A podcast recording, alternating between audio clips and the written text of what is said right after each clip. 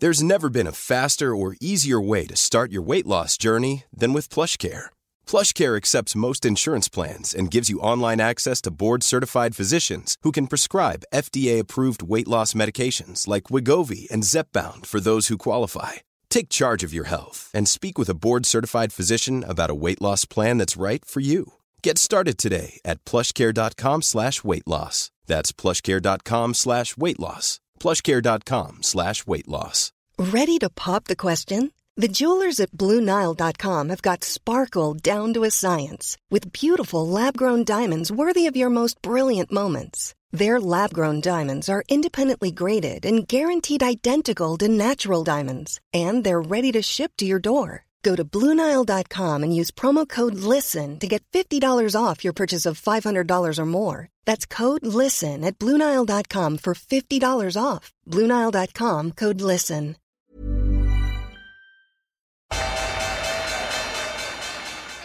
They mistook leverage for genius. Leverage for genius. I would recommend Japan. The governments don't rule the world. Goldman Sachs rules the world. Velkommen til episode 143 av podkasten 'Tid er penger'. En podkast med Peter Warren. Jeg heter Sverre og er produsent og trykker på start og stopp og deltar litt i samtalene. I dag eh, skal vi snakke om eh, det som skjedde i siste uke. Det er jo veldig mye, veldig mye som skjedde i markedene, og eh, med et stort fokus på situasjonen rundt Netflix, så var det også mye nedsalg i krypto og eh, en rekke andre situasjoner. Så det er mye snakk om markedet i dag. Eh, I tillegg skal vi snakke litt om olje, men det blir liksom én stor markedsepisode, og det tror vi kanskje er viktig akkurat nå. Eh, før vi starter, så skulle vi, vi skulle egentlig ha en sånn vanlig reklame i dag som er i starten av podkasten, og så spilte jeg inn en, og så, så, ble det liksom litt sånn Jeg vet ikke. Føltes litt rart. Så tenkte jeg så jeg med, sendte jeg melding til sjefen som skulle kjøre reklamen, og så sa jeg kan ikke vi bare ta og kjøre et to minutter intervju med deg? Og så viste det seg at det var mye, mye mer interessant. Det kom ut helt andre ting enn, jeg ville ha trodd. Så her er et to-tre minutter intervju med sjefen i Lunar Norge, eh, Eileen Skjetne. Og det her er altså da eh, et sponsa eh, lite mikrointervju. Tror det er verdt å høre på. Så rett etter hun har snakka, så går vi i gang med episoden. Det som er spørsmålet, selvfølgelig, er Her har du en app som en internettbank. Mm. Og vi har er en helt ny verden med internettbanker. Mm. Og du har eh, en utrolig gammel bransje med bare gamle aktører i Norge med banker. Og da er spørsmålet hvorfor skal du bruke Lunar? Ja, eh, det har du helt rett i. Det er en ganske, har vært en ganske rigid og, og, og treg bransje på å gjøre ting morsomt, gøy og interaktivt. Eh, men alle ønsker jo å få mest mulig ut av økonomien sin, og ha god kontroll for å kunne ta smarte økonomiske valg. Og du som lytter til eh, denne podkasten er nok ekstra opptatt av det, og det er superbra. Eh, og det er akkurat som du sier, at i Norge så har vi veldig mange gode mobilbanker, vi har gode nettbanker. Eh, men det som er utfordringen, det er at det er så lite engasjerende. Eh, og det har ført til at bank har blitt lavinteresse, og noe man gjerne helst eh, lukker øynene til. Og det er jo selvfølgelig veldig uheldig, for da går man glipp av veldig mange muligheter til å få mer ut av pengene sine og økonomien sin. Og Det er derfor vi i Lunar er her. Vi ønsker å endre på dette. Vi ønsker å gjøre bank engasjerende og gøy. Og vi er faktisk et tech-selskap selv om vi også er bank, bestående av 500 hoder i Norden som hver dag jobber for å gjøre bank gøy og engasjerende. Eh, og vi inspireres av andre bransjer som virkelig har fått det til. F.eks. Eh, musikkbransjen gjennom typisk Spotify eller gode shoppingopplevelser på nett. Eller Tibber. Du beskriver basically Tibber, den største kommersielle suksessen på retail i Norge i nyere tid. Ja, Kjøper det totalt. Og det er jo ja. det at de har klart å gjøre det dølleste tingene på jorda interessant. Nettopp. Og det er derfor vi lunere er her også. For å gjøre dølle bankopplevelser morsomme og engasjerende. Ja, Og få da best rente, som, som i den brifen du sendte meg. 1% rente, høyest rente på, på, din brukskonto. Ja, og det er utrolig viktig for oss, eh, pris. Eh, så vi ligger veldig, veldig lavt priset på absolutt alt vi gjør. Eh, og du nevnte noe med 1% rente på, på brukskonto. Eh, så er det fordi at vi ønsker å gi tilbake til kundene. Så man tjener faktisk eh, på å være kunde i Lunar. Eh, og når det gjelder pris, et annet eksempel på det er at vi har en aksje- og fondsinvesteringsløsning som, som alle våre Lunar-kunder har tilgang til. og der er handelsavgiften kun 29 kroner. Så uansett om det er en aksje som er norsk, eller europeisk eller amerikansk, så er det kun 29 kroner. Jeg eh, tror ikke det er noen som, som, slår oss på akkurat det. Perfekt. Men det var alt jeg ville. I stedet for at jeg sitter og faker og, og, eh, og, forteller hvor fantastisk det er. Så nå fikk vi det rett fra kjelden, og jeg kjøper det totalt. Ja, og For at dere skal eh, forstå hva jeg mener, eh, så vil jeg jo anbefale dere å gå inn på hjemmesiden vår og ta en titt. Lunar.app app. Eh, eller aller best, laste ned appen vår eh, allerede i dag, Lunar-appen. Og da registrerer deg som kunde. Det er helt gratis å få konto hos oss og visakort. Og dersom du ønsker å få markedets feteste kort, som er et metallkort med innrisset signatur, din egen signatur innrisset i kortet, så betaler du kun 149 kroner i måneden. Og da får du også tilgang til ulike forsikringer osv. Så, så last ned Lunar-appen i dag og bli kunde helt gratis. Eller velge å oppgradere deg og få dette populære metallkortet. Supert. ja, det har vært litt av ei uke siden sist. Jeg vet nesten ikke helt hvor vi skal starte. Eller litt av en start på et år. Fortsatt så er Trump eh, årets beste aksje. Og eh, masse Spekka og, og Moderna og, og, masse andre selskaper som ikke tjener penger, er årets verste aksje på vår watchlist. Hvordan summerer du opp situasjonen nå? Ja, i og med at, vi, at jeg skal reise utenlands, så, så vil vi ta opp Eller så tar vi opp to dager tidligere. Da. Vi tar opp på, på lørdag istedenfor på mandag. Og da, i begynnelsen av uken, så, så følte jeg egentlig at vi var i beit for for stoff. Men så, da um, så, så, på en måte uh, skjer alt. Um, børsene begynner å falle. Finanstilsynet kommer ut og kritiserer børs- og meglerhus, selskaper og revisorer. Regjeringens popularitet faller. Altså alt altså til nye bunnivåer. På bare noen få dager så så har eh, man fått en, eh, fått en ny realitet. Men så tenker jeg samtidig da at veldig mye av dette her er ikke annet egentlig enn det vi har drevet og påpekt da, i det siste. Altså prisingen av markedet. Nå plutselig begynner, hører jeg analytikere si ja, men den prisingen var så høy at den kunne ikke vare. Nordea snudde jeg tror Nordea snudde på noe sånt som syv dager. Jeg, fra, fra en i Nordea sier at han forventer tosifret avkastning, til, sier, til en annen kommer ut og sier at ja, men det der kunne jo ikke vare. Det var jo helt opplagt at det var så stort gap mellom verdier og, og realitet. Og dette her har jo egentlig pågått nå over måneder. Prisingen har vi vært klar over lenger tid enn det. Men samtidig så har vi sett sektorrotasjon. Vi har jo påpekt denne sektorrotasjonen flere ganger. Hvor vi har sett altså Ta f.eks. biotek, som plutselig eh, altså faller kraftig i fjor. Altså vi, Før det fornybar falt i fjor. Biotek falt i fjor, men har yt falt ytterligere nesten ja, 18-19% i år. Og nå plutselig blir, nå plutselig, altså, blir markedsatferden ferden, den Eller atferden, heter det kanskje. Uh, den som uh, i forbindelse med Euronex Growth Plutselig nå blir det tema. Um, og det er litt artig i seg selv. Altså, nå har jo dette pågått i ja, to år ganske nøyaktig to år, eller litt i underkant av to år. Ja, da tenker, jeg, da tenker, jeg, på prisingen og den pushingen som har vært av disse selskapene, som kort tid etter at de blir lansert, ikke altså, begynner å falle i verdi.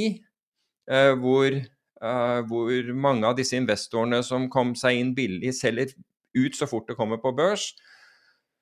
Og så, vi, Allerede i fjor så ble store deler av, av Euronext eh, rød, mens aksjemarkedet for øvrig eh, steg 23% så var mange av disse over, godt over halvparten av disse, to tredjedel helt sikkert, når jeg tenker meg om, uh, viste nedgang, mens resten av børsen viser oppgang. Og, og denne grense, altså denne disse kinesiske veggene mellom analyseavdelinger i meglerselskap og de som og corporate-avdelinger, de som uh, foretar emisjoner, nå plutselig begynner man å nå, nå, kritiserer man de, og jeg hører at forvaltere kommer på banen og sier at de, de, de, veggene eksisterer ikke, kinesiske eller andre eksisterer ikke, og andre sier at analyseavdelingen ja, det er støtte- og markedsføringsfunksjoner i forhold til corporate. Det, da, altså det tilsier jo Dette ble jo sagt i, i fjor. Og da, det, jo, det, tyder jo på at det ikke finnes, disse veggene ikke finnes. Og nå først Plutselig nå kommer Finanstilsynet på banen og begynner å kritisere uh, dette. Og så er det litt Jeg syns det var litt interessant, for jeg koblet ikke dette, men en av våre lyttere en av våre faste lyttere gjorde det umiddelbart. Jeg tenkte faktisk ikke tanken. Men vedkommende sa du, den Arctic-saken var det ikke noe sagt Var det ikke slik at den, har, har, dette, den er egentlig noe som skjedde år til, eh, for elleve år siden? Og Finanstilsynet begynner å se på den nå. Og så, så der har man ikke reagert i det hele tatt. Mens det man reagerer på nå, er noe som har skjedd i fjor. Plutselig. Og vedkommende var da, mente jo at denne, alt dette som skjedde nå, med Finanstilsynets kritikk av Euronex-børsen, meglerhusene, eh, rådgivere, også, revi, og, også revisorer, er, var, var, egentlig bare for å dekke over. Altså, det. det. passet veldig godt at man kom med det nå, nesten som et svar på denne Arctic-saken, så man slapp å forholde seg til den. Eller i hvert fall mediet, at man skulle glemme den. Som sagt, jeg tenkte ikke sånn, men idet det ble sagt, så tenkte jeg at det var jo faktisk ikke en dum analyse. Men i, i, samme moment, da, mens jeg er om, litt on a roll på, uh, på, det, så må jeg si at uh, Du viste meg det, men det var, det var, jo nesten Altså, DN kalte det Jeg husker ikke hvilke begrep uh, som ble brukt, men jeg vet at det var en sammenligning Altså denne dette NBT-selskapet som nå heter noe annet, og som nå skal få et tredje navn, og som er i vanskeligheter, og hele denne saken med Arctic eh, dreier seg om, den hadde DN eh, kalt, eller i hvert fall sammenlignet med Enron. Og jeg må innrømme at når jeg da så at revisoren som har godkjent regnskapene rundt omkring her, både i dette selskapet og andre, altså noen av disse, disse tilhørende selskapene så, som da angivelig er brukt for å gjøre det vanskelig å oppdage hvem som egentlig eier aksjer og, og gjeld i, i, dette vindmølleselskapet. Revisoren hadde da altså Det er Ernst Young nå, nå, men den revisoren kom, fra, hadde, kom da tidligere fra Arthur Anderson, som da gikk over ende. altså det, etter, nettopp pga. Enron-skandalen. Og da You can't make this shit up. altså. Det kunne... Altså, sier noe annet også som er litt påfallende. Ja, kom igjen. Uh, Enron-skandalen skjedde jo mer eller mindre akkurat når dotcom-krisa kollapsa. Og Bernie Madoff-saken skjedde i starten av finanskrisa. Mm. Det er når ting koker, at de her tingene du har holdt i live kunstig, med alle mulige triks, at det kommer til overflata. Tilsynelatende. Ja, altså jeg tror altså uten, uten å forsøke å konkludere på denne her eh, vindmøllesaken, fordi det får Altså det Jeg forstår at det foregår etterforskning og gransking av den som det er. og Vi skal ikke uh, ta, gå i forkjøpet av, uh, av, den, så er nok det riktig. Det er nok nettopp det som, det som skjer. og og det som uh, var det Financial Times som, uh, som, som, skrev, og som vi hadde i vår uh, Som vi hadde i podkasten for to, to, uker siden, tror jeg, at 22, altså 2022 kom til å bli a rough ride, og man trengte strong nerves, altså rough ride and strong nerves, altså trengte man for å komme gjennom 2022. Det tror jeg nok er, er riktig. Så det er mange ting som kommer sammen akkurat nå. Um, og det er interessant med det å se at av alle disse investeringsbankene, altså de kjente store investeringsbankene, så var det faktisk bare to, Morgan Stanley og Bank America Merrill Lynch, som trodde at uh, 2022 kunne bli et negativt år. Alle andre var helt overbevist om at det var at vi skulle se fortsatt, uh, fortsatt oppgang. Og vi vet altså vi er kommet Var det 21 dager inn i um, 22 er det vel. Inn i, uh, inn i januar. Så vi har på ingen måte fasiten for hvor dette her året ender. Like lite som man hadde når covid traff i, i 2022. Men det er Men jeg syns det, det er en klar endring i markedskommentatorene, altså eller kommentarene i øyeblikket. Det der når du går fra nei, vi, to, vi forventer tosittet avkastning, til å neste øyeblikk si at ja, de nivåene kunne, er jo helt opplagt at der kunne, det der kunne vi ikke holdt på med. der. Altså Når jeg leser sånn, så tenker jeg ja vel, OK. Men du vet jo, hvis man skal spå været i morgen, så er det jo stort sett riktig hvis du ser på været i dag. Ja. Men av og til kommer det en tornado. Av og til kommer det en storm.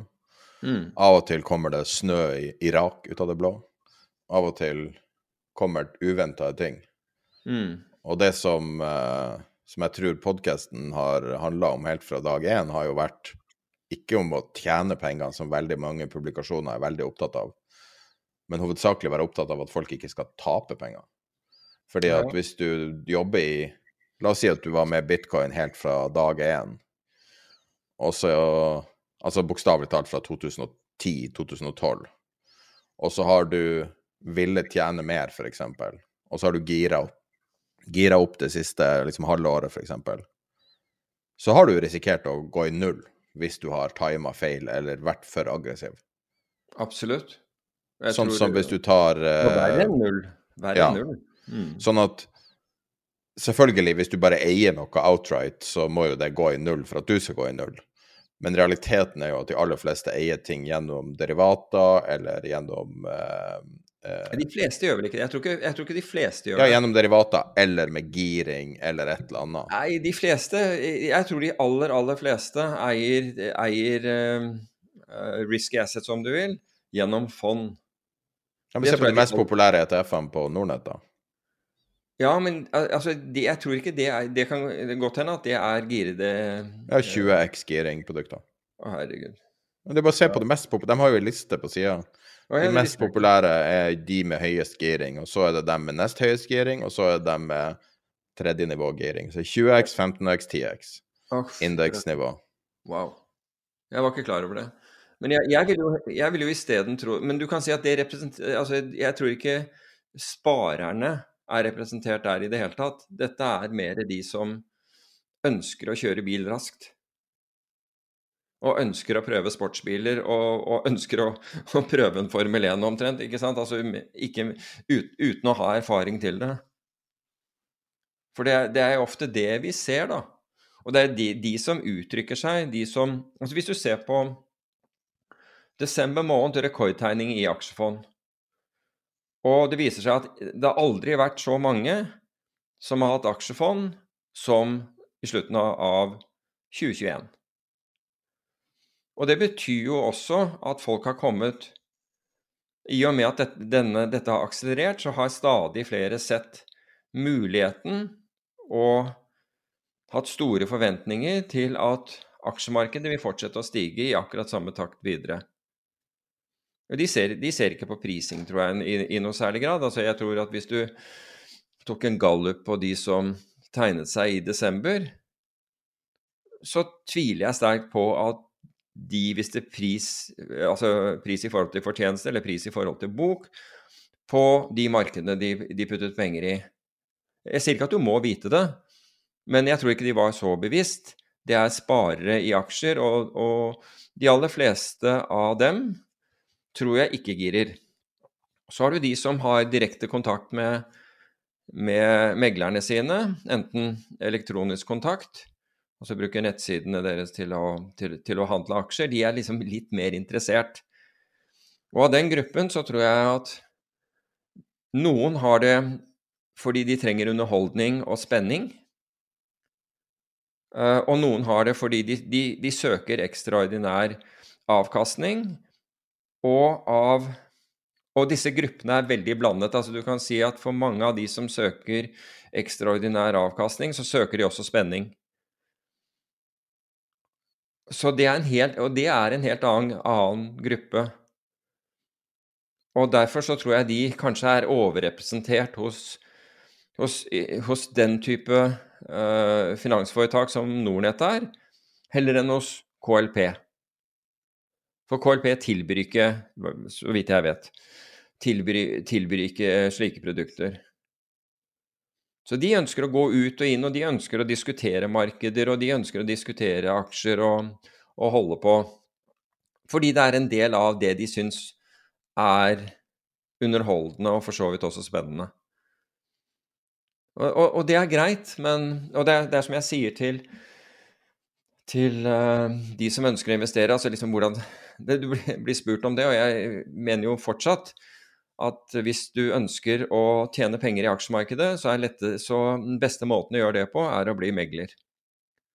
Uten tvil. Da, da tjener du sannsynlig Du tjener mer enn de aller fleste som driver i aksjemarkedet. Som driver og spekulerer på aksje, i aksjemarkedet. Og du har ingen risk. Det kan ikke være bedre. Det må være den beste måten. Det er ingen bedre måte. Og så lenge det forholdet er at man tjener så mye penger på å være mellommann, så burde Så er det det logiske er å bli mellommann selv. Kan man selge sånn kurs om hvordan du tjener mye penger? Det er mange som gjør det. Men altså, det, det kurset vil være kort. Bli aksjemegler. Ja, det er uh, Skaff deg en utdannelse som gjør deg relevant til å være aksjemegler. Og det er enten at du er veldig god som, som selger, eller du er en god finansanalytiker, f.eks. Uh, eh, eller begge deler, gjerne. Men det er den beste måten å tjene penger på. Hvorfor skal du ta risiko hvis du kan tjene tilsvarende eller mer uten å ta risiko? Altså, da er du risikosøkende hvis du gjør noe annet.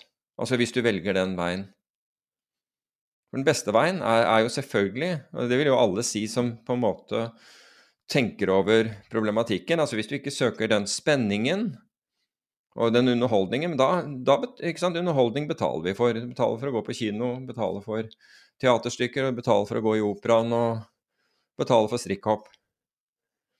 Eller sånn zipline ned Holmenkollen. Fint det òg, du får underholdning, du får spenningen din. Det er greit. Det er mange måter å ta det ut på. Du kan også ta det ut i, i, i markedet, men da medfører det jo risiko. Men det er helt, helt tindrende klart at det er mellommannsapparatet som har tjent de store pengene uh, nå siden, siden, I hvert fall siden covid. Men det har nok vært før det også. Men i, etterkant av det så har det vært, liksom, det har vært utfattelige tider. Så da, da, har du finansielle rådgivere, da har du altså corporate uh, meglerhusene. Da har du ikke minst advokatfirmaene uh, som har Altså, de har jo virkelig hatt siden, siden eh, finanskrisen, hvor vi i etterkant av den, altså i 2008, 2009 og de etterfølgende årene, fikk tonnevis av nye regler uh, dyttet inn over oss, og et finanstilsyn som, ikke, som, går fra å kunne godkjenne et fond på noen måneder fra man søkte, til nå er det minst 18 måneder og et eller annet sted mellom 300 000 og en halv million i kostnader til konsulenter og, og, advokater. Det er jo blitt helt vanvittig. Er det blitt tryggere og bedre? Nei, det er det vel ikke. Altså, noen ting tror jeg er blitt bedre. Men de har jo ikke Men det er jo mange ting, og det, det viser jo dette her. Det viser jo disse tingene sånn som nå at man kritiserer Nå kritiserer man børsen. Altså Finanstilsynet kritiserer børsen. Det er ikke så ofte det er gjort kritiserer meglerhusene. Og de kritiserer liksom og, og rådgivende, altså revisorer og, og, andre. Og også Det er jo klart at du kan ikke si at det er blitt bedre da. Tapene til eh, investorene er jo sikkert blitt større, men i dag for øvrig litt annen tack, men Eh, jeg leste Det er lørdag, og jeg, det hender at jeg kjøper Finansavisen på lørdager. Og så er lederen til eh, Trygve Hegnar Den tror jeg endte i at man har hatt, han anbefalte folk å selge. Hvis jeg, hvis jeg forsto den rett. Ja, så um, Jeg syns han Jeg har lest en del ledere i det siste. Jeg syns han er egentlig bedre enn på lenge. Ja, jeg syns også at han, han, er veldig god til å dissekere problemstillinger. Absolutt.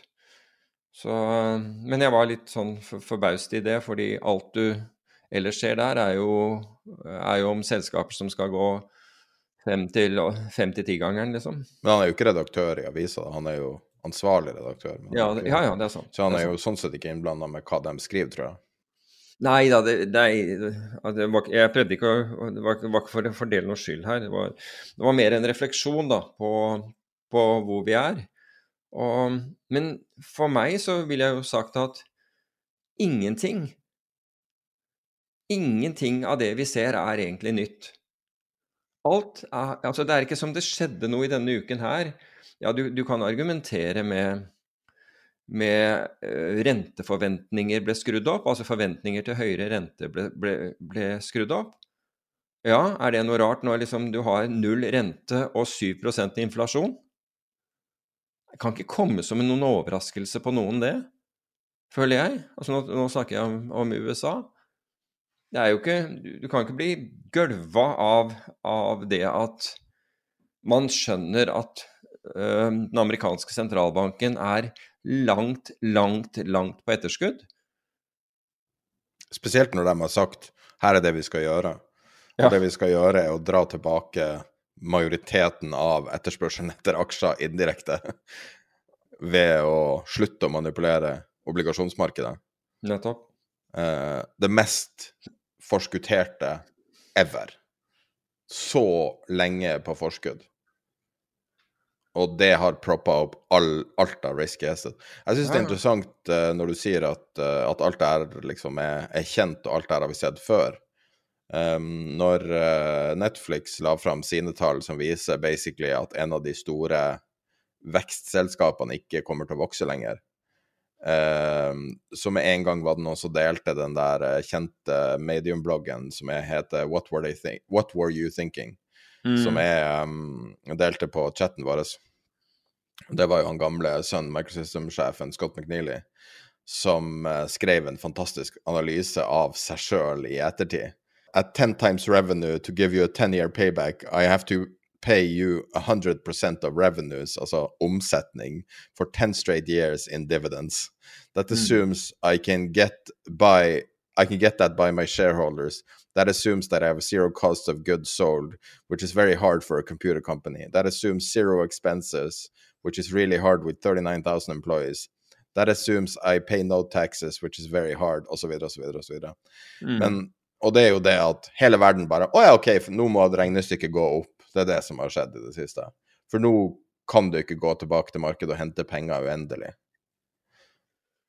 Nei, og, og det, det, vi ser, da, og, og, det som er ekstremt vanskelig med predikasjoner, altså prøve å, å, å, å spå fremtiden, det er jo at man, man, sier jo at børsene ligger foran, men de gjør jo ikke det eh, i, eh, når de topper ut.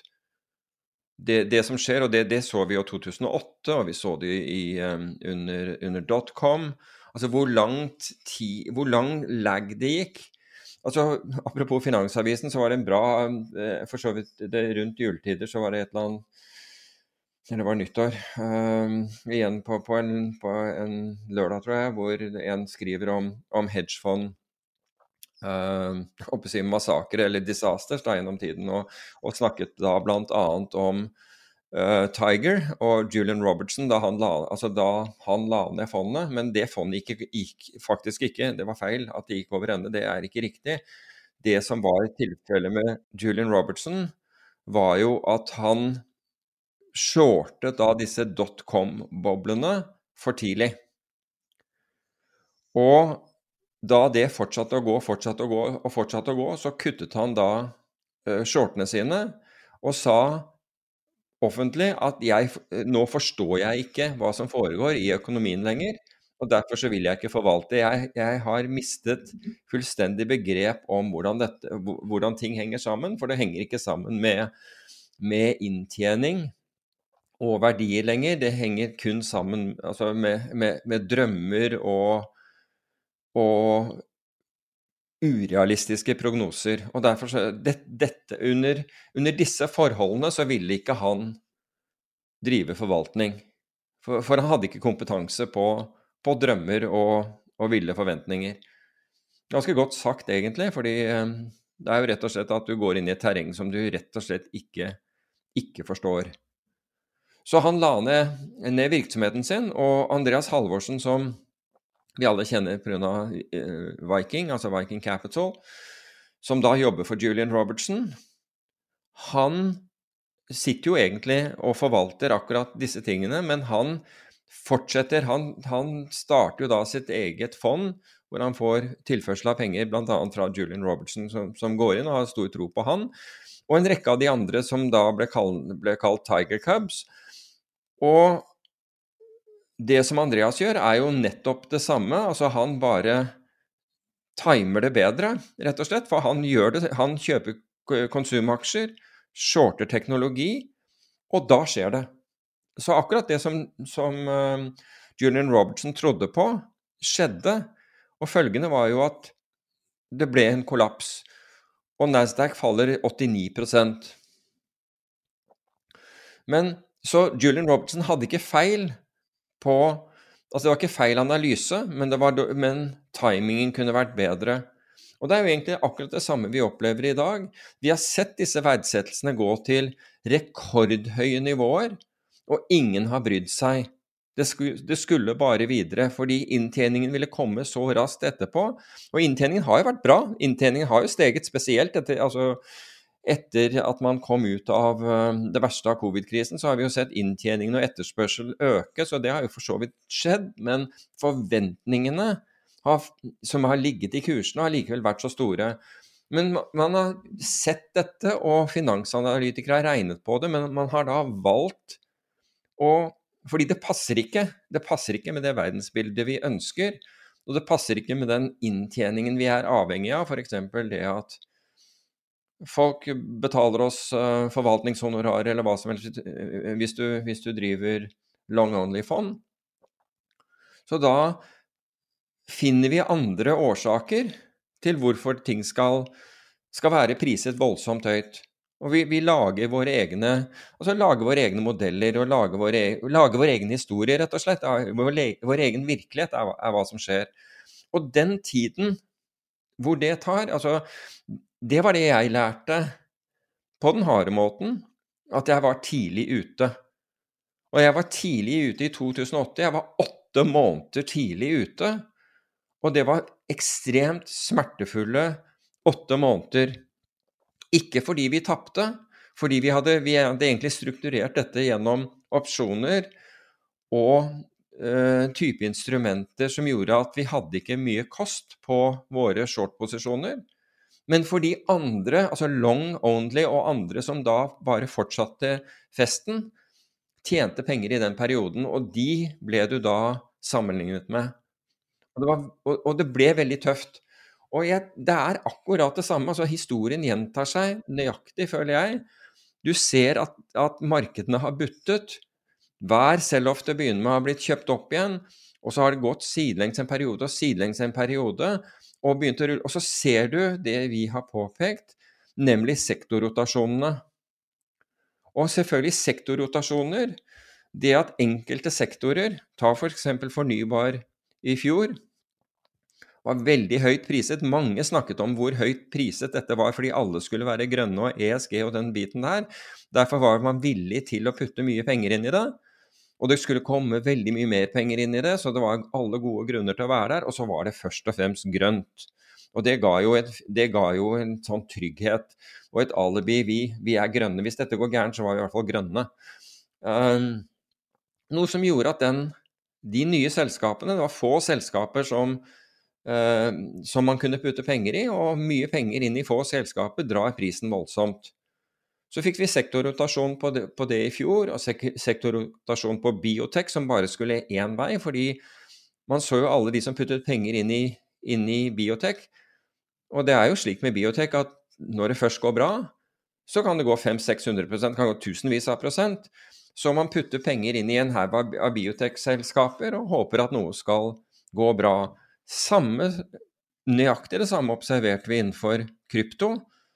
Du hadde krypto som hadde på en måte en mening, som hadde altså meningen om uh, Sånn som bitcoin, at den hadde en, eh, på en måte en inflatorisk mening, fordi det var ikke som om man kunne trykke så mye man ville av penger, og man ville ikke at det skulle styres, og det, og det var uh, veldig høy kvalitet kryptologi involvert, og du kunne mine, og du kunne gjøre mange ting. Så du hadde liksom bitcoin på den ene siden, etterfulgt av, Ether, som da var bitcoin med, bitcoin med eh, ytterligere kvaliteter og så en del andre. Men så fikk du da inn Shiba Inu, Dogecoin og ting som var, altså var åpen, som de som hadde laget det, var åpne om at dette var en spøk. Og det, det hadde egentlig ingen verdi. Det var ikke, det var ikke høyt teknologisk, det var ikke, liksom, det var ikke den beste kryptologien. Det, var, det hadde egentlig ingenting. Og det er jo ikke Er det to uker siden? Nei, det kan ikke være det engang. Hvor Elon Musk går ut og sier at man kan betale eh, for at de er villige til å, å, motta Dogecoin for bilene. Så du kan betale med Dogecoin. Um, som på en måte bare akselererer hele denne, denne, denne galskapen rundt det. Du, vi har sett det på en måte fra, fra stadie til stadie, men, du, men det er ikke noe som er lønnsomt på en måte å påpeke, fordi man gjerne skyter uh, budbringeren. Altså Hvis du sier noe, så, så forsøker du å stoppe festen. Og det er jo festen som er, er, er, det morsomme. Men det at markedene korrigerer nå, og det at du ser uh, bitcoin-verdier halvert, som det har gjort før, kommer som en sånn krise for, for, mange. Og det er klart at det er en økonomisk krise hvis du har tatt for mye risiko. Hvis du har 20 ganger giring, da, da, da sliter du når, når bitcoin-kursen faller så mye som den gjør nå, eller du er antakeligvis blåst ut. Men du kan ikke si at dette her er overraskende, egentlig. Og nå bruker jo mange unnskyldninger. Da, ikke sant? da kommer man fort ut på banen og sier at ja, det var fordi alle måtte jo skjønne at uh, disse verdsettelsene ikke kunne vare. Ja, men I går, på fredag, ja. så var det 290 000 tradere som ble likvidert ut av sine posisjoner i krypto. Uh, wow. uh, med verdier på 1,1 milliarder da tapt, i henhold til Coinglass. Mm. Ja, det er interessant. Altså, det er jo akkurat det. Memestock i fjor, altså jeg glemte å ta med den, det var jo akkurat det samme. Du blåser opp verdier som ikke Altså, i, i selskap... Eller det var var ikke verdier. Det var luft, ikke sant? Og så Jeg kan ikke annet, jeg vet ikke om det er um, um, hva heter det for noe, utaktisk. Jeg, leter etter et annet begrep av meg å nevne det, men du får da en henvendelse hvor eh, det var noen som mente at det var hedgefondene som var skyld i dette. I forgårs, ja. Hva sier du? Ja, jeg fikk en e-post i forgårs. Ja, ikke sant? Om vi ikke kunne snakke om hedgefondet som ødela alt sammen, og som, som egentlig ja, Konspirasjon mot aksjer og ditt og datt, og hvor, hvor, ja, GameStop og alt det der tullet. Ja, det var akkurat GameStop nevnt. Jeg har ikke fått med seg det at uh, faktisk var det to kjente hedgefond, eller hedgefond av betydelig størrelse som tapte voldsomt på, på, akkurat GameStop. Det hadde ikke fått med seg. Og at det selskapet de snakker om, ikke hadde, eh, ikke sant, hadde oppblåst verdi. Nei. Det er, det er, en sånn det er, det er, en mørk fyrste der ute som, som, som driver en konspirasjon mot deg. Det er klart at Da sliter du litt hvis du ikke har større markedsforståelse. Da er du egentlig da er du på tynn is, fordi du, du vet ikke Du er altså literally på tynn is, fordi du aner ikke hvilket du, du kan ikke det territoriet beveger, og terrenget du beveger deg i.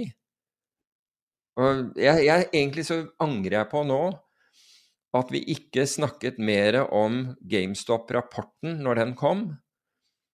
Uh, rett og slett fordi vi var så vi, vi har vel aldri vært Altså, jeg vil ikke si at vi er upopulære, men jeg håper Det er jo selvfølgelig subjektivt sagt. Men da vi påpekte Da denne GameStop-saken begynte å rulle, og du, du fikk disse, disse, kraftige fallene, og man stengte børsen, eller man stengte handelen en periode, og, og, og, dette, så var jo da hedgefond og andre under enormt angrep, også meglerhus. Og vi gikk ut da og, og forklarte at dette faktisk var børsregelverket, dette var regelverket for handel. Og dette er det regelverket som har vært der hele tiden. Og det er, noe, det er, det er rett og slett ikke andre ting enn at man følger regelverket. Kapitaldekningskrav kom inn i bildet, og bevegelser i markeder som var større enn en X, det var allerede uh, det var allerede i regelverket. og, og gjorde, det som skjedde i markedet, var ikke noe annet enn det det var aldri, etter vår oppfatning aldri noe brudd på noe, noe regelverk. Og så gikk det vel det gikk vel nesten tre kvart år, gjorde det ikke det, før den uh, rapporten forelå. Og den bekreftet jo akkurat de tingene vi hadde sagt. Og jeg, jeg angrer egentlig på, for vi, vi, tok det i en bisetning og sa at det bekreftet det vi, vi sa. Men når jeg, når jeg leste, eller når du henvendte deg med den, uh, den e-posten du hadde fått om, om hedgefond, som, som, var de som var skyld i at, at markedene beveget seg som de gjorde, så angret jeg umiddelbart på at vi ikke tok for oss uh, den, den, rapporten. Uh, den granskingsrapporten etter det som skjedde med, med, med, GameStop, slik at folk får en enda bedre forståelse av hvordan markedet virker, og ikke blir fullstendig uh, overrasket og berg, eller bergtatt, det er jo kanskje feil, men liksom slått ut av markedsfunksjonen. For den er, den er den, det den er. Og så kan du gjerne si at den kunne vært bedre, og det kan godt hende at det blir gjort forbedringer på basis av uh, erfaringene med, med, GameStop. Men det som skjedde, var, var, faktisk i forhold til regelboka. Så enkelt er det. Ja. Eh, sist eh, uke, eller nå sier jeg siste uke, da, uka som nettopp er ferdig, eh, var jo tilsynelatende turbulent, og det var jo veldig stort fokus i forkant av eh, fredagens handel pga. veldig store, uvanlig store opsjonsforfall i mange enkeltnavn, eh, som gjorde at mange satt og fulgte med til siste slutt på, fre på fredagen. Um, men det som slo meg i hele det her, i det forhåndsannonserte fallet, som for så vidt på enkeltnivå var ganske brutalt, altså f.eks. Eh, MicroStrategy falt over 20 og Eh, Netflix Eller falt rundt 20% og Netflix falt over 20% og du hadde mange store populære eh, verdipapirer drastisk ned. Men når du ser på markedet som helhet, og du ser på den turbulensen vi har venta, veldig mange har venta på, så virker det her som at det har vært, altså det har vært relativt velfungerende. Så det gjelder både det regulerte og det uregulerte. Både aksjemarkedet, eh, altså obligasjonsmarkedet, og også krypto, har mm. greid foreløpig å absorbere det sjokket vi har på en måte utsatt og utsatt og utsatt med å holde eh, seddelpressa i gang. Sånn at eh, Jeg snakka med en i dag, faktisk, eh, som er ganske stor investor. Og han har forutsett det her uh, tidligere, og sier nå at nå legger han trykket på igjen. Han tror at det her er det her er liksom washouten. Den store, det, det opsjonsforfallet som var, det var liksom det store. Og det syns jeg er interessant, fordi at det oppleves som om at det vi snakka om sist, som kvalitet At folk greier faktisk nå å skille på kvaliteten i markedet. Tidligere har vi jo sett at du hadde en indeksifisering av markedet der så lenge du var en del av en indeks, så bare steig tidevannet for alle båtene, og driten og det, og det positive steig like mye. Og det vi har sett nå, er jo egentlig ei fundamental reprising av alt verdiløse ting, eller tilnærma verdiløst. Folk ser nå plutselig å ja, OK, Netflix er dritdyrt. Konkurrentene deres er en fjerdedel av prisen. De har mye lavere objektiv kvalitet på innholdet. Eh, og, og, de sier sjøl at veksten er over.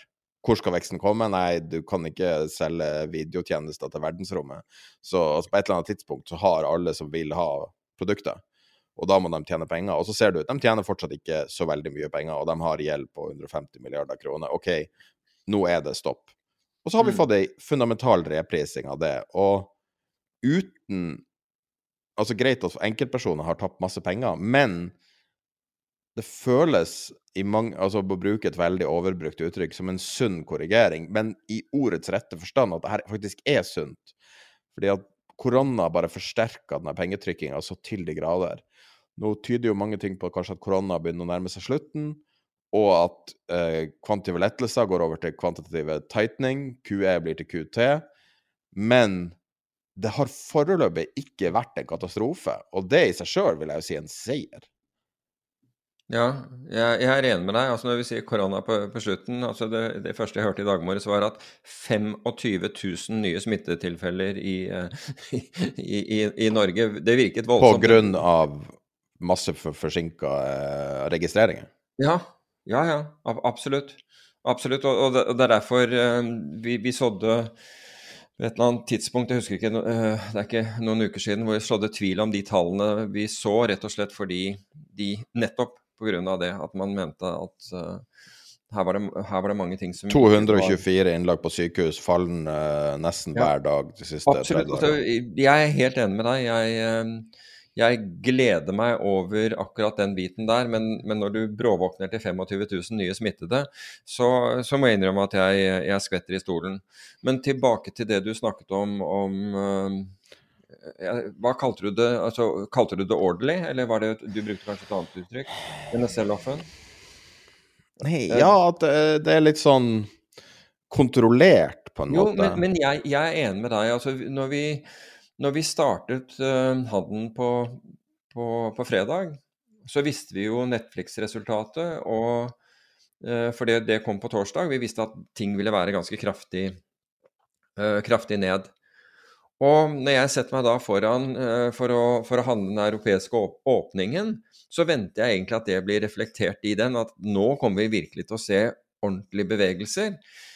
Bl.a. Blant annet fordi vi vet at high frequency ikke tar imot, og altså, marketmakeren ikke er der når det først drar på. Men tvert imot, altså det var jo i, i det europeiske markedet, selv om det var lavere, så var jo aktiviteten ekstremt orderly, som du, du sier. Altså det, det, fungerte, det fungerte veldig bra. Det ble ikke disse vanvittige bevegelsene, eh, en, altså gjerne til, til, til nedsiden. Det virket som, og da hadde markedet holdt på, jeg tror jeg sa det til deg, jeg, jeg, jeg, markedet i og med at f.eks. Uh, unnskyld, den, det, altså det amerikanske markedet det er jo oppe nesten hele døgnet. slik at de, de, altså de future-kontraktene, altså SMP 500 og Nasdaq, hadde jo da tradet hele natten. Og, og Nasdaq og Eurostox, altså disse europeiske indeksene, store europeiske indeksene, de hadde også uh, tradet mesteparten av natten. Og Uh, når det gjelder uh, tyske Nasdaq, da, hadde jo da tradet jeg tror det var fem timer innenfor. Ok, det var et bånd, men det var, et, det var ordentlig innenfor Men fem du tyske timer. dags? Ja, syns jeg et, Hva sa jeg? Nasdaq. Oh, sorry, tyske dags mente jeg. Uh, var, var veldig ordentlig handel innenfor der. Forbausende bra. Noe som, noe som indikerer at, at det fantes helt opplagt en balanse. Da var markedet ned ca. halvannen prosent. Og det fantes en god balanse mellom kjøpere og selgere. Og jeg tror den balansen varte i åtte-ni timer før vi gikk til nye lav igjen. Så jeg er enig med deg, og jeg, jeg må jo si at jeg var forbauset over det. Så når vi da kom inn i amerikansk eh, åpningstid, som er halv fire vår tid, altså da har jo futurene handlet i, i mellomtiden, men da kommer Da åpner, åpner aksjebørsene i, eh, i USA da, eh, da ser vi en, en, en sell-off. Men ja, altså det er, det er, store bevegelser, men det var ikke større bevegelser enn det vi har sett nå eh, den, den, senere tiden. Og jeg måler dette på 5 minutter, 10 minutter og 15 minutters basis. Det var ikke det i det hele tatt. Det var orderly markets eh, å, handle i. Så jeg må jo si at min forventning, og jeg, handlet en del i det, i det amerikanske markedet, handlet ikke en eneste gang i det, i det europeiske. Men, men, jeg må si det var forbausende ordentlig, og, og, og, være enig i det i din i, i, din betraktning av, uh, av markedet. Og du, du, sa, fordi jeg fulgte det ikke mot slutten, men du, du sa at nå går det fort. Uh, som gjorde at det interesserte meg, så jeg gikk inn og, og, og så litt på hastighet og, og det som foregikk. Men, men, det var fortsatt mindre hastighet på, mot slutten av dagen enn det det hadde vært på, på, åpningen. Så det var ikke som det var et voldsomt rush etter nå må vi liksom gjøre det ene eller det andre. Det ja, nei, når jeg sa at det gikk fort, så mente jeg at det var uh, volumet. Uh, det visuelle volumet, bare det du, du kunne Og det er jo riktig. Det er jo riktig, ikke sant? Men det var ikke store, det var ikke store mye til slippage, altså det var ikke mye okay. prisendringer. Akkurat det. Jeg trodde, jeg, trodde du ref, eh, jeg trodde det var det du siktet til, så jeg målte det. Men det er jo, det er jo helt riktig det du, det du, sier, fordi vi har et stort volum når Europa møter USA, altså når Europas handelsdag nærmer seg slutten og USA tar over, da er det vanlig at volumet er høyt. Altså når meglerne begynner å handle på Wall Street, så, så, så ligger ordrene der, og de skal gjennomføres, slik at volumet i, i, den neste timen er veldig høyt. Og det samme ser vi når, mot slutten av dagen, for da må ordre som da enda ikke er gjort, vil da bli gjort enten på Vivap eller et eller annet sånt når de legges inn på, på, på, slutten, og du får et voldsomt volum. Og så er det mindre volum imellom som er, uh, som er, det vanlige. Men aktiviteten uh, syns jeg var, var Altså i forhold til hvordan markedet synes å ta, og da har jeg bare uh, de inntrykkene jeg får Eh, fra, fra altså i, på, på, mediene, altså folk som uttaler seg, så hadde jeg virkelig forventet at nå, nå skal vi liksom få, te, nå skal vi få testet infrastrukturen her. Men det var ikke sånn i det hele tatt. Men det var jo det, vi diskuterte jo det under åpninga, husker du det, på, på chatten, ja. og da uh, var det jo en, um, en sånn gammaanalyse. For det er jo Gamma som har drevet altså det, at det, det her var jo veldig uh, drevet av opsjonsmarkedet, der du har uh, the tail wagging the dog i veldig stor grad. Fordi at du har så stort opsjonsvolum som Men det var i in the money, og dermed så er ikke Gamma involvert, ikke sant? Nei, men det er en sånn Gamma-analyseselskap, Jeg vet at de, de, kaller det det, ja. ja. Men altså, det, det, det, er jo på en måte liksom det new hotness er jo å analysere det nettopp fordi at det er mye som drives av nettopp Gamma. Men, mm. men uh, bare overforenkla, da, altså tail wagging the dog, at opsjoner driver aksjer i stedet for det motsatte, da. Men det som de påpekte, var jo også at, at det var mer komplisert enn bare det at det er mye som forfaller, eh, så kommer ting til å falle. Altså, og, og, det var jo det at det var uklart utfall, men man forventa høy aktivitet. Mm. Og det var jo kriger som ble slåss som var uavklart. Så det var jo veldig mye som var uavklart, og resultatet ble Noen ble hardt skada, men markedet som helhet klarte seg helt fint gjennom det. Og så fikk vi jo noe i natt også, jeg vet ikke om du fulgte det i, eh, i kryptomarkedet, så hadde du um, den likvideringa um, av Maker mm. uh, på Først var det opprinnelig 600 millioner dollar, og så tror jeg det endte på rundt 300. Og, og, da får du jo også litt sånn smake litt på hva desentralisering egentlig er. Da er det enkeltpersoner som ligger og sover, angivelig. Mm. Og, og, det er vanskelig å vite om de våkner opp og eh, gjør handlinger som stopper likvidering eller ikke. Og så, og, og for, for, meg fremstår jo som helt vanvittig. Altså, det her er prisen av desentralisering, kan man jo si. Det at enkeltpersoner ligger og sover, kan påvirke eh, et gigantisk marked, er jo helt utrolig. Men eh, det endte med da at eh, noen hundre millioner dollar av eter ble eh, sendt inn i markedet, og prisen falt bare noen prosent, 4-5 eller noe sånt. Mm. Og det at, at, det markedet også, i den situasjonen vi er i nå, er i stand til å absorbere såpass volum, er jo et lørdag, ja. sunnhetstegn. Vel, natt til lørdag amerikansk tid, ikke sant. Ja. Det, det, kan ikke sies å være noe annet enn et sunnhetstegn. Og som, som, man kan si at uh, hvis man skal spå retninga, så han investoren som sier nå er all in på uh, at ting snur, kanskje, kanskje ikke. Ikke noen anbefaling på noen måte. Å fange uh, fallende kniver er jo alltid en dårlig idé. men det døden til markedet som har blitt spådd av mange i 2022, den er foreløpig utestående. Altså, vi, vi, vet ikke hva det her vil bringe. Nei, nei, ikke i det hele tatt. Men du kan si at det er såpass Det, det er mange sånn gjennom da, da, da disse kryptovalutaene steg eh, voldsomt, så var det jo mange som følte at de hadde blitt stående igjen på perrongen og syntes dette var grusomt at de ikke var med. Og nå ser du, og, og som da håpet å komme inn på en korreksjon. Og hvis du da har det samme synet, så er det jo liksom Nå, nå får du det billigere. Så enkelt er det. Så hvis du hadde det synet at dette ville du ha i porteføljen din, flott. Nå har du da fått uh, Ether, jeg vet ikke hvor mye det må jo være godt over, godt over 50% fall på, uh, på, på Ether, altså Ethereum. Så, og du har fått et 50% fall i, i, uh, i, bitcoin. Så hvis det var det at du skulle ha noen prosent av det i din portefølje, så er jo dette her kommet som altså det er, det 48% på Ether. Mye? 48. Å, jeg trodde det var mer. Ok, greit. Ok, jeg mente det var mer. Men greit nok. Men, men da er i hvert fall dette her din mulighet. altså Da har du virkelig fått den, det, det, det, du håpet på, sannsynligvis mer. Så Men hvis du mener at krypto er tull fra starten av, da, da, da, skal du, da skal du kunne eie det uansett egentlig hvilken verdi det er, med mindre du, du ønsker å gamble på en, på en kjapp bevegelse eller et eller annet sånt. og Det er jo ikke det vi, vi egentlig snakker om. Men Hvor mye var det du sa Nasdaq falt fra toppen når, når det falt i da det kom? 89, mener jeg. Fra topp til, eh, til, til bunn. Um, hvis jeg ikke husker helt, helt feil. Det var i hvert fall voldsomt.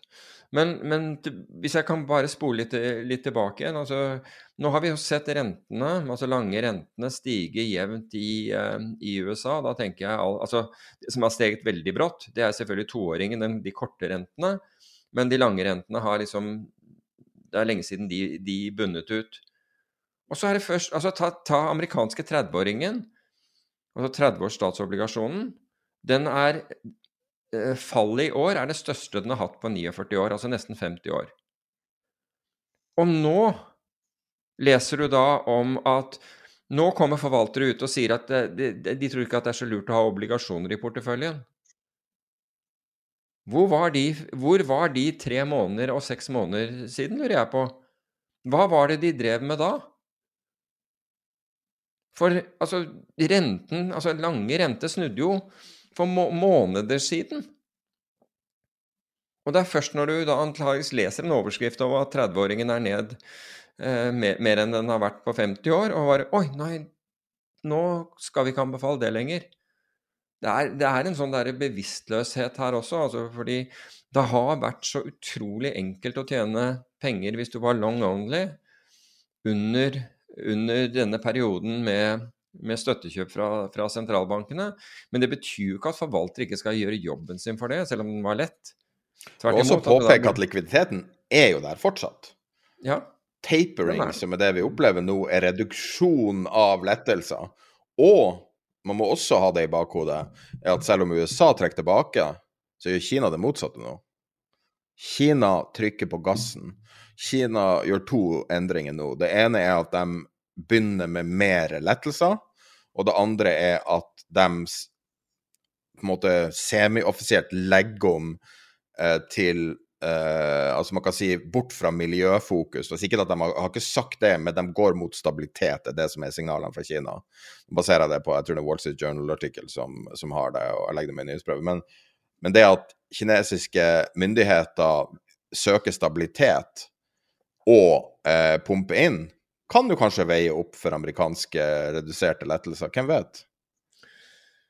Det må jeg tenke på og, og regne på. Altså det først og fremst det som er bra med Kina, og det, det, er ikke bare bra for Kina, men det er bra for hele kloden, det er at Kina gjør det de gjør fordi Kina har da har problemer i øyeblikket.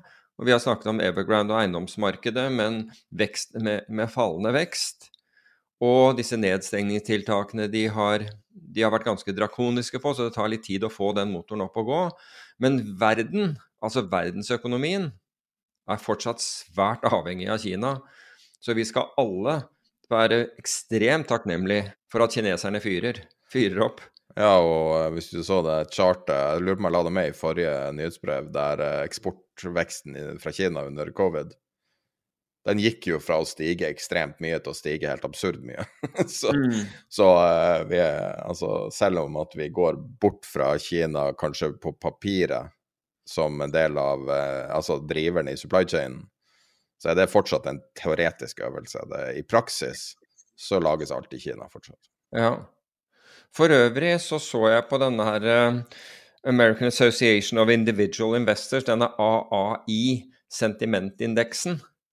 Um, den var da For en uke siden så var den Altså da var, eh, Den var bearish, det er én ting. Altså det var 21% som var positiv til markedet, og 46,7% som var, eh, som var negative. Så den har gått nå fra fra altså slutten av desember så var, var det overvekt av positive, men nå er den 46,7, og det er det høyeste det har vært på over et år. Altså antall negative til, eh, til markedet. Det kan bare nevnes i dette her, så du kan si investorsentimentet har helt opplagt bråsnudd her, altså blant øh, og, og her er det ikke tradere som, som blir spurt, men her er liksom hvordan Hva føler du om øh, folk som er da øh, har aksjefond, altså mutual funds og osv., og, så videre, og som blir da spurt om hva, hva de har, altså, eller hvordan de føler om, om, om markedet. Så det har vært en bråvending. Men du må jo også ta med når du først bringer det opp, da, er jo at hvordan bruker du en sånn måling? Bruker Ja, ja, den, altså, bruker det som en kontraindikator, eller Jo, bruker du det absolutt. Det, er, altså, jeg, det må jeg innrømme. Det, det er jo slik jeg, eh, jeg eh, bruker det.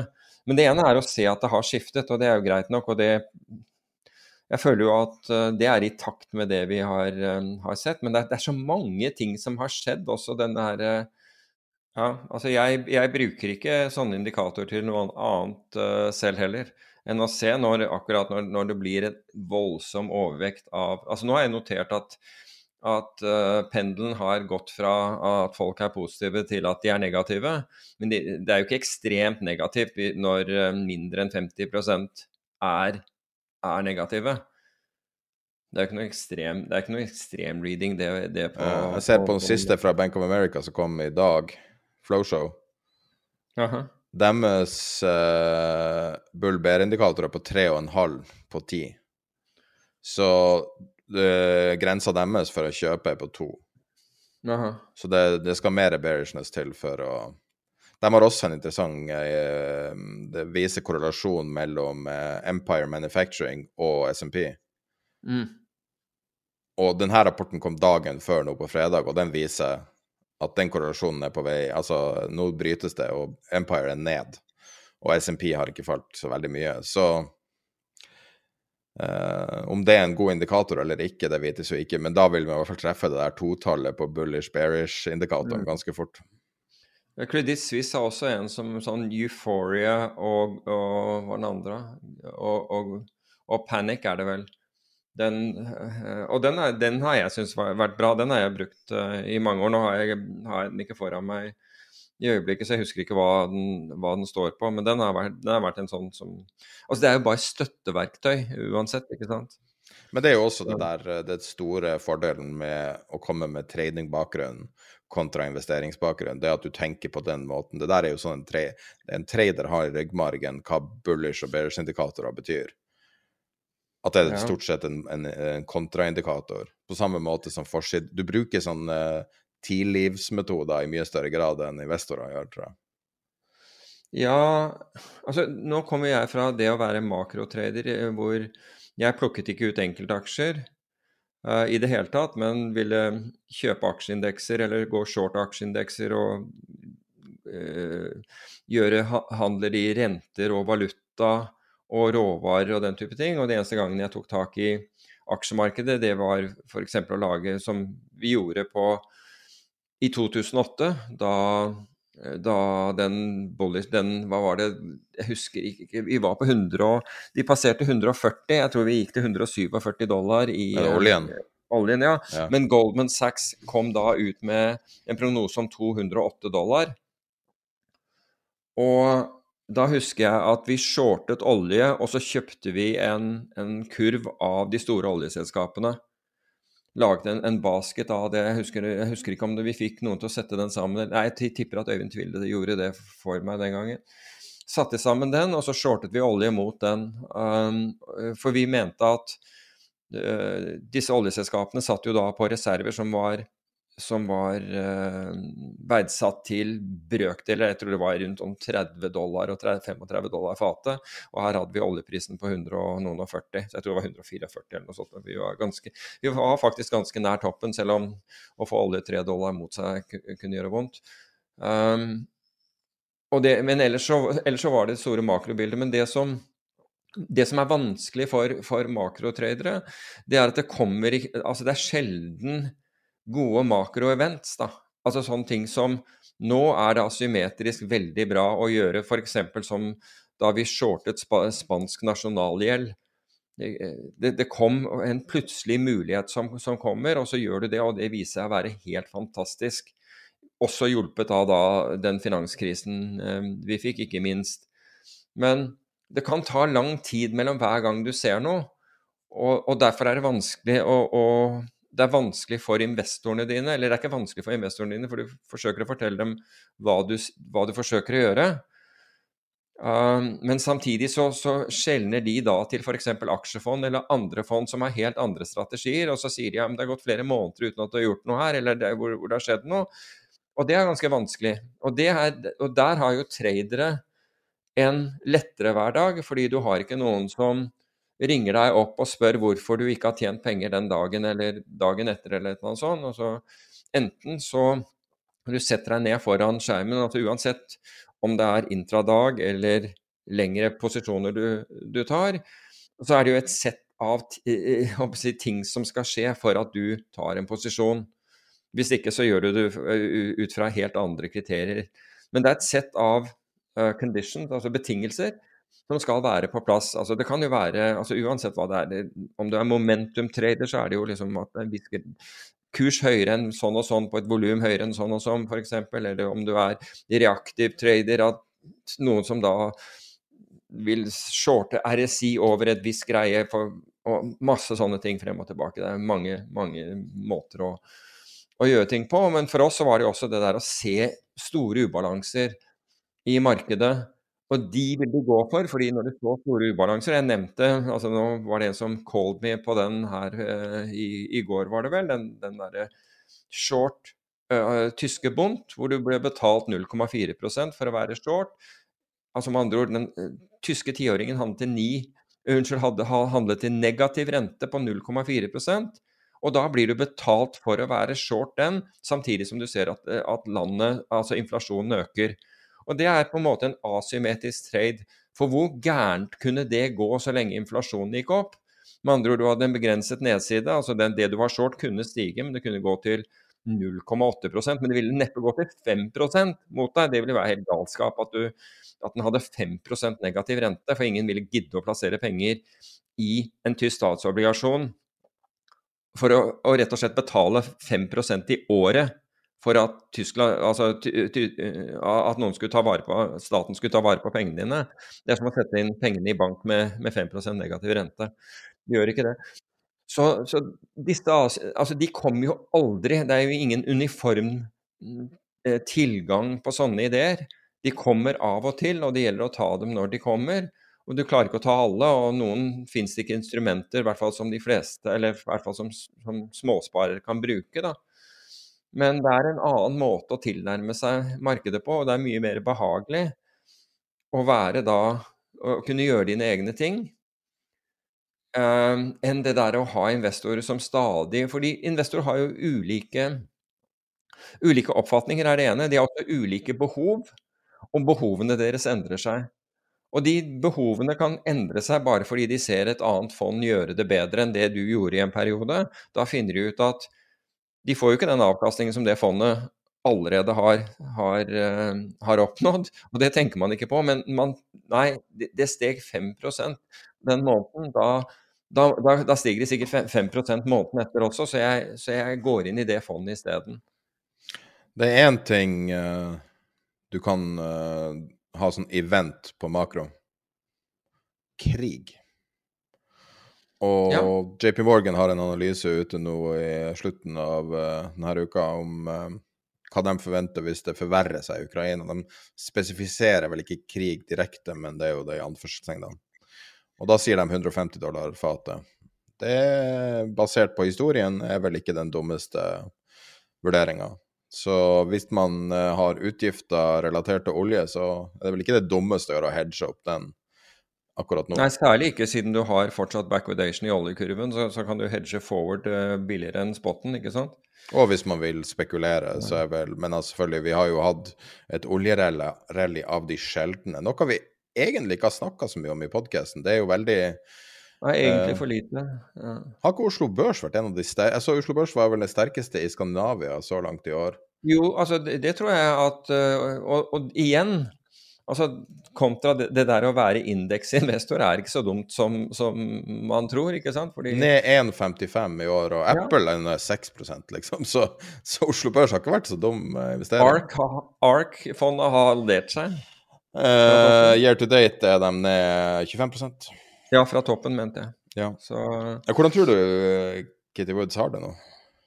Nei, altså jeg vet ikke om hun er stresset. Jeg. Altså, som sagt, jeg syns jo Altså, ARK er jo Hva skal jeg si for noe? en belånt bet på Nasdaq-indeksen tror jeg er vel en måte å beskrive det på.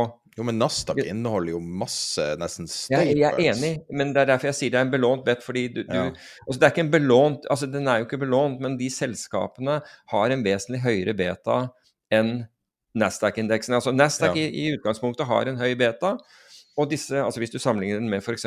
SMP 500 og, og, disse har en vesentlig høyere beta enn det, så det er liksom en leverage bet. Og, og bare for ordens skyld, når du sier beta, så mener du tidevannseffekten. Altså når tidevannet stiger, så stiger de med høy beta mer, og vice versa. Ja, og vice versa. Veldig viktig. Så du får, du får, mer risk, rett og slett. Men ARK er opp, altså fra, fra, uh, fra bunn til topp, så altså fra oppstarten i 14, steg de 750% ca. Ja. Og nå har de gitt tilbake nå er de vel på Nasdaq-nivå. Altså Hvis du hadde tatt Nasdaqen, så er de vel på samme nivå? er det ikke det? More or less, ja. Og de, de, er opp 280 fortsatt, men hvis ja. du reverse to the mean, så er det nesten nøyaktig det her nivået, kanskje 10 ned til, så er de på reverse to the mean-nivå. Men ja. problemet er jo at det inneholder jo så mye selskaper som kanskje tjener penger om veldig lang tid. Mm. Og spesielt nok så har hun jo solgt seg ned, eller dem solgt seg ned på um, på Tesla som en av de få som, fakt, som har holdt seg noenlunde bra. På tross av en PE på 350 eller et eller annet sånt, så har Tesla-aksjen klart å holde seg enda, relativt sett. De er rundt 1000 dollar fortsatt. Altså det, er, det er en, Ja, og i forbindelse med det så er det en, altså ting jeg, jeg føler ikke at Cathy Wood har, gjort noe galt. Jeg syns hun har beskrevet risikoen og hva hun, drev, hva hun investerer i, veldig godt. Det, det fins de som er uenige med meg. Jeg, jeg, holder på det fortsatt. Um, men det som jeg tror er en utfordring, da, med, som hun kanskje har, det er jo at dette fallet har, medfører da kraftig um, outflows. Um, hva heter det for noe? Voldsomt med innløsninger i, i, i fondet. Og resultatet da kan bli, kan bli tøft. Fordi da kan det være Altså hvis ikke likviditeten er god i alle de papirene, og vi vet alle papirene rett og slett som ARK sitter på, det er offentlig informasjon, så er du tvunget til å selge det som på en måte har den høyeste kvaliteten i porteføljen din, den, den, vil ha Der vil det være likviditet. Og får du for mye innløsninger, så kan det være at den porteføljen tilter rett og slett til å bli enda mer risky. Ved at hun f.eks. da selger Tesla hvor det er store, store volumer i, altså det er lett å kjøpe og selge eh, Tesla, for, for å, fordi hun klarer ikke å komme ut av selskaper som har mindre likviditet. Og da begynner en virkelig ond spiral når det gjelder, eh, når det gjelder eh, slike fond. Jeg håper ikke at hun kommer i en sånn situasjon. Men igjen det vil jeg jo si at de som syns at de misset båten med henne, da, syns totalt at liksom det De skulle så ønske jeg mener, Det har jeg sett mye av på, på, nett, hvor mange som skulle ønske at de hadde kjøpt det fondet. Ja, nå får du det da 50% billigere enn det var på toppen. Og går det tilbake igjen, så har du tjent 100% på pengene dine. Dette er ingen anbefaling. Men hvis, det, hvis du virkelig Hvis liksom analysen din av de selskapene hun satt på, eller den interessen din, var var at det skulle du ha. Så, har du fått, så får du det på i anførselstegn billigsalg nå. Det kan godt hende at det går lavere, jeg vet ikke. Jeg har ikke noen prognose på det. Bare så det er sagt. Men du, vet, du har hørt om det ene ARK-fondet som har gått bra? Nei. Som har dobla seg? Nei, Eller det er jo ikke et ARK-fond, egentlig, da. S-ARK. Som uh, Var det short ark? Og det, ja. Den, ja, ja, ja. Tuttle Capital. Det er jo altså Tuttle Capital Short Innovation ETF. Den er dobla seg. Det gjør, vondt, det gjør, vondt, når noen oppretter et, et, fond som går short det du, det du er long. Altså, ja, tenk deg han oppretta det 8.11.2021. Ja, ikke altså, dårlig. går det an å time det bedre enn det. Det er nesten på toppen av toppen, altså. Ja. Og doble penger. Uff. Og ganske stort volum i den altså. Det er, det, det er så dritt så jeg kan gjøre det, men Ja, ja. ja, det, ja jeg, jeg, ser den. Uh, det er klart at verdien på den går opp, og bare det gjør at, at, uh, at den, den, får større betydning. Så det er, en interessant sak. Kan jeg, kan jeg skryte av oss et, et, sekund hvis vi går tilbake til dette med olje og Ukraina? Swift. Vi snakket om det før det var på banen whatsoever. Husker du det? Vi snakket om det mm, Du sa det, ja. ja det husker jeg. Ja, men, men husker vi, vi, snakket om det at det var en måte å Altså, hvis man skulle fortsette den økonomiske eh, økonomiske sanksjoner mot Russland, så var Swift-systemet en, en, mulighet. Og det var, da, da, vi snakket om det, så var det borte, det var, det var ikke på bordet, det var bortimot utenkelig. Og i denne uken her så ble det en realitet. Så nei, det var den eh, Men, men apropos altså jeg, olje, jeg er helt enig. Det er, eh, det er mye spennende uh, trades der. Men, men, når vi snakker om mak makrobildet, så tenker man liksom sånne ting, f.eks. olje. Man tenker gass. Uh, i, i, dette her, og spesielt gass da, for Europa ikke, eller Russland ikke leverer til uh, til Europa. De, eh, I hvert fall ikke spotgass. De leverer vel omtrent ingenting i øyeblikket, og det kommer andre steder fra, og vi har heldigvis fått litt mildere vær. Så det har tatt presset av i en, i en eh, kort tid. Men hvis du, hvis du som makroinvestor, så kan du, kan du jo handle gass, for all del. Du kan kjøpe gasskontrakter. Men ofte så forsøker de å finne hvor konsekvensen av f.eks. vesentlig høyere gasspriser ville slå ut fordi akkurat gassprisene går, og de er veldig volatile. Og du kan si at hvis noe priset inn dette umiddelbart, så var det jo, var det jo nettopp råvaren. Det var jo første stedet det, Du kan si det er, det er førstederivaten av nyheten, da. Og vi ville da forsøke da å finne ut hvilke konsekvenser har dette lenger bak i kjeden, og så prøve å da ta posisjoner på det. Fordi det, der var det gjerne ikke prisene dine eh, eh, i øyeblikket, og det ville komme neste gang. Så det var det som var på en måte det interessante med, med, med å drive mak makrotrading. Og det krever jo at du bruker at du tenker mye. Og så må du finne det rette Altså Det første var jo å ha en hypotese om noe som skulle skje. Og hvis det skjedde, hva ville da være konsekvensen? Og hvordan kan man utnytte dette best? Altså, hvordan tar vi en posisjon? Vi har tilgjengelig alle instrumenter. altså Vi kan være i rentemarkedet, valutamarkedet, aksjemarkedet om vi vil, uh, kredittmarkedet. Hvor tror vi dette vil slå ut mest? Hvor, hvor, er dette absolutt ikke priset inn? Vi ville lete etter sånne ting. Uh, og det er ganske interessant, men det er som, som sagt ganske kjedelig for investor. fordi Uh, avkastningen din vil ikke være jevn som om du har, uh, som, som om du har kjøpt kredittobligasjoner helt til bom, den, er, den, er, kraftig ned. Uh, den, vil, den, vil, være lampy i forhold til de mulighetene som gis. Og av og til så kan det jo ta lang tid mellom, mellom mulighetene. Og da, må, da, da krever det at, at investormassen din er innforstått med hva du gjør, og, og tilsvarende tålmodig. Men du, kan jeg, kan jeg, ta, kan jeg ta, noen sitater? Jeg, jeg, skriver jo ned sitater i hytt og dynevær, det gjør jeg for jeg syns det, det, er interessant hva folk sier. Men uh, kan jeg runde av denne her med, med, noen, med, noen, sitater? Jeg vet ikke hvilket som skal være siste sitat, men noen kan jeg i hvert fall ta. Går det greit? Ja, for meg går det greit. Altså Den ene er Hyman Minsky, altså økonomen Hyman Minsky og det man kaller the Minsky moment og alt mulig sånn.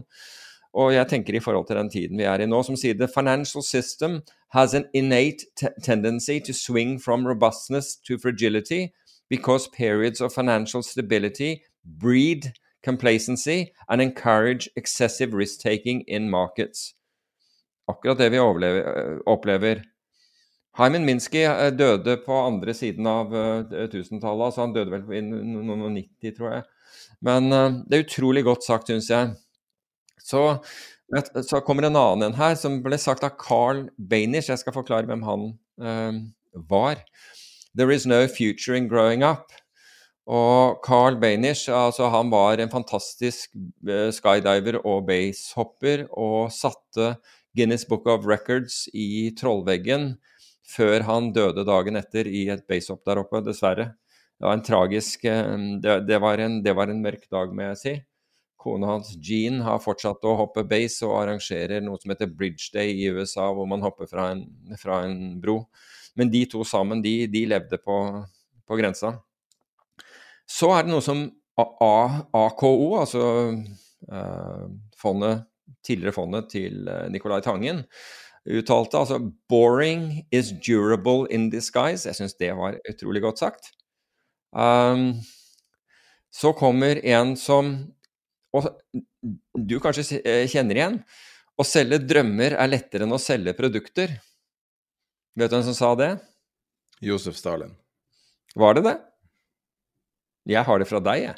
Jeg syns bare det var jævlig godt sagt. Josef Stalin, sa han det? Nei da. Good one. Jeg tenker bare på et Stalin-sitat. 'Death is the solution to all problems'. No man, no problem. det er min. Og så har vi en her, og denne her er veldig bra. Den kommer jeg til å, til å bruke i forbindelse med um, uh, med en uh, Nå har jeg, har jeg, det sitatet her nå. Det har jeg vel ikke her foran meg. Jeg skal bare se om jeg finner det. Um, I forbindelse med en konferanse som jeg skal snakke på i, eh, for NTNU, vinterkonferansen. Og de har en uh, Tittelen på denne, denne, konferansen jeg syns er en fantastisk tittel. Og Det er derfor jeg tar den opp. Altså, for Jeg syns de har virkelig funnet en bra tittel. Og det er 'En illusjon om perfeksjon'. Og jeg syns det er en så utrolig god og inspirerende tittel. Og den minner meg da på Uh, på, på, denne, uh, på dette sitatet. We are what we do repeatedly. Excellent, excellence then is not, not an act, but a habit. Det var Aristoteles. Det er ikke dårlig, det heller. Så, eh, så, så mye bra her. Skal vi se om jeg Jo, her er en som er for så vidt relevant til det som, det som skjer nå. If you do not take risk for, for your ideas, you are nothing. Nothing. Det var, det var, det var Nasim Taleb som sa, faktisk. Um, Syns den var bra. Og så skal jeg vel Jeg må bare ta her si, og her er en. Denne her er contemporary, altså den er nylig. Jeg, må, jeg vil til strømmarkedet bare litt etterpå, men det har ingen relevans for øvrig. All erfaring tilsier at de vanntette skottene mellom corporate og analyseavdelingen ikke er særlig vanntette. Det er bare å se på, det er, det er bare å se på alle det er bare å se på at alle kommer med kjøpsanbefalinger, sier Robert Ness, forvalter, eh, sjef for forvaltningen i Nordea. Du, han har jeg veldig sans for, altså. Ja, jeg, jeg også. Eh, jeg, jeg har aldri møtt ham, men jeg, jeg bare det er noe med hans Han forvalter jo et helt monsterfond altså. Mm. Og ut fra hans offentlige image, så syns jeg de har valgt riktig mann. Altså. Ja, jeg syns han, han, er veldig bra. Men, men, det, men, det, er liksom Jeg er veldig glad at man eh, at, at dette nå kommer frem. Og lurer på liksom hvor, hvor Finanstilsynet har vært hele den tiden mens dette har pågått. Men i forhold til den der andre saken, så er det jo minimalt. Uh, vet du hva for øvrig som var det best, uh, best performing aksjemarkedet i fjor? Kasakhstan. Helt riktig, med 81 Tuller du? Nei, det er helt riktig. helt riktig. Jeg tenkte bare hvordan Det må jo være noe drittmarked, det er jo alltid de verste. Ja, det er selvfølgelig det. Du, ikke kall det drittmarked, da. Jeg, jeg hadde, altså, under finanskrisen så kjøpte, vi obligasjoner i en kasakhstansk bank. Jeg tuller ikke. Som hadde hovedsete i Almaty. Jeg er glad vi ikke eier det nå, for, for, å si det på den måten. Vi gjorde det. Um, jo, men det er jo sånn som altså, Somalia hadde jo der, eh, den der, den der uh, kapringbørsen. Den var jo høyst uoffisiell da, men det var jo du kunne investere i kapring av uh, tankskip. Oi. Og det, det var sikkert god investering. Altså, hvis du klarte å treffe på riktig, så Altså, sånne type markeder, det er jo der du kan få avkastning. Mm. Men det er jo selvfølgelig ja, ja. Du må jo få ut pengene, altså. Uh, for all del. Og så Ja, så kom jeg på at jeg hadde Jeg gjorde vel to feil i den forrige. Altså Egentlig så er det ikke feil, fordi det var en som rettet meg og sa at uh, Husker du, jeg, jeg, snakket om Fjordkraft og, og tapet deres, og at de og at det, det, dreide seg om hedging, og jeg mente at man ikke hadde hedget. Mens, mens vedkommende sa til meg de hadde hedget, men de, de, hadde ikke hedget nok. Nemlig det at det kaldere det blir, jo mer strøm bruker du. Og det hadde de ikke fått med seg. Uh, really? Altså I fastkontrakten deres så hadde, så hadde de ikke liksom tatt høyde for at det blir kaldere om vinteren.